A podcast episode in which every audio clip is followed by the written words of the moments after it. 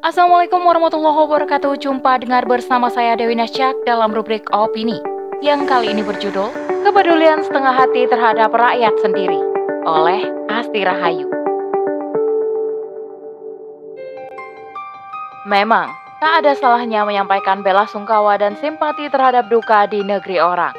Namun, mengingat tragedi kanjuruan di negeri sendiri yang belum tuntas penyelesaiannya Tentu rakyat pun merasa terabaikan Walaupun sudah dibentuk tim khusus untuk mencari fakta, namun banyak yang belum puas dengan hasilnya. Selengkapnya, tetap di podcast Narasi Pos Media. Narasi Pos, cerdas dalam literasi media, bijak menangkap peristiwa kunci.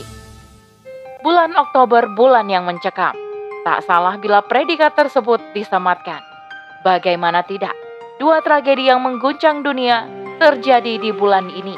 Pertama, tragedi di Stadion Kanjuruan sebagai pembuka, kedua tragedi di Itaewon sebagai penutup. Karena mempunyai kesamaan sebab tragedi, yaitu akibat kerumunan massa yang tak terbendung hingga ratusan nyawa menjadi korban. Sehingga banyak yang membanding-bandingkan kedua tragedi tersebut, terutama mengenai sikap kepedulian penguasa terhadap masing-masing tragedi. Lalu, sudahkah penguasa hari ini menunjukkan sikap kepedulian yang sepenuh hati terhadap derita rakyat sendiri? Tepat Sabtu pertama di bulan Oktober yaitu 1 Oktober 2022, acara sepak bola di Stadion Kanjuruhan tiba-tiba berubah menjadi mencekam. Tatkala aparat menembakkan gas air mata secara membabi buta.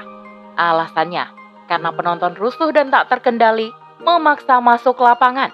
Akan tetapi, anehnya tembakan juga mengarah ke arah tribun yang masih dipenuhi oleh penonton.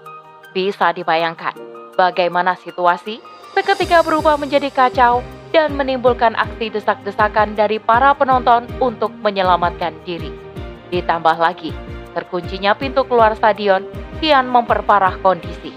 Sehingga tak heran, korban jiwa pun dilaporkan mencapai 135 orang.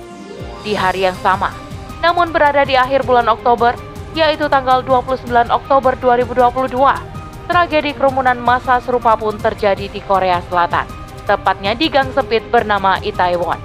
Ratusan ribu orang tumpah ruah memadati daerah tersebut untuk merayakan pesta Halloween. Tragedi pun terjadi saat tiba-tiba kerumunan massa bertumpuk di gang sempit tersebut sehingga terjadi desak-desakan dan saling dorong-mendorong. Jumlah korban jiwa dilaporkan mencapai 149 orang. Kedua tragedi tersebut tentu menyisakan duka yang mendalam, terutama di pihak keluarga korban. Kehilangan orang yang dicintai secara mendadak lewat tragedi ini tentu mengundang banyak simpati, khususnya dari para penguasa. Namun, sangat disayangkan banyak yang menilai kepedulian penguasa terhadap tragedi di negeri sendiri tak imbang dengan di negeri orang. Kontras kepedulian itu sangat terasa tatkala muncul pernyataan dari kepala negara dalam bahasa Inggris melalui akun Twitternya pada Minggu 30 Oktober 2022, Jokowi menyatakan bahwa Indonesia bersama rakyat Korea Selatan sangat berduka. Ia pun berharap korban yang terluka bisa segera pulih. Sedangkan pada tragedi Kanjuruhan yang juga memakan korban meninggal dalam jumlah yang besar, tidak ada pernyataan pemerintah bersama korban Kanjuruhan. Memang tak ada salahnya menyampaikan bela sungkawa dan simpati terhadap duka di negeri orang. Namun, mengingat tragedi Kanjuruhan di negeri sendiri yang belum tuntas penyelesaiannya, tentu rakyat pun merasa terabaikan. Walaupun sudah dibentuk tim khusus untuk mencari fakta, namun banyak yang belum puas dengan hasilnya.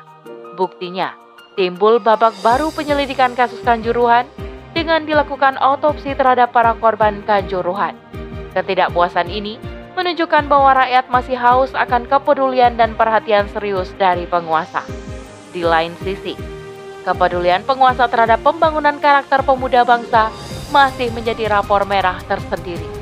Misalnya, dengan pemberian perayaan Halloween yang jelas-jelas itu adalah budaya asing dan tak ada nilai manfaatnya untuk ditiru. Bahkan perayaan tersebut sangat kental dengan minuman keras, narkoba, bahkan seks bebas yang malah merusak generasi. Ini akibat ulah sistem sekularisme yang semakin dominan mempengaruhi sistem kehidupan saat ini. Sehingga budaya asing pun bebas masuk mewarnai kehidupan bangsa termasuk kehidupan para generasi. Berbeda tentunya dengan sistem Islam jika diterapkan dalam kehidupan. Budaya asing seperti perayaan Halloween tidak mungkin ada celah untuk masuk ke dalam peradaban Islam. Karena hal tersebut termasuk dalam tasyabuh yang artinya menyerupai orang-orang kafir dalam hal akidah, ibadah, ataupun perayaan, kebiasaan, dan setiap hal yang menjadi ciri khas bagi mereka. Rasulullah Shallallahu Alaihi Wasallam bersabda, "Barang siapa yang meniru suatu kaum, maka ia termasuk dari kaum tersebut." Hadis riwayat Abu Dawud. Selain itu, generasi pun akan terlindungi mutu dan kualitas kepribadiannya dalam bingkai sistem Islam. Karena fungsi negara adalah sebagai junah alias perisai dan pelindung rakyat. Sesuai dengan sabda Rasulullah, sesungguhnya al-imam atau khalifah itu perisai. Orang-orang akan berperang di belakangnya, mendukung dan berlindung dari musuh dengan kekuasaannya. Hadis riwayat Bukhari. Maka dari itu, Kepedulian penguasa yang sepenuh hati terhadap rakyat sendiri tanpa membeda-bedakan hanya terwujud dalam sistem Islam. Syaratnya, penguasa mau menerapkan Islam secara menyeluruh alias kafah demi menjaga generasi dari pengaruh buruk ide dan peradaban barat yang bertolak belakang dengan visi misi kemuliaan. Wallahu a'lam bishawab. Demikian rubrik opini kali ini. Sampai bertemu di rubrik opini selanjutnya.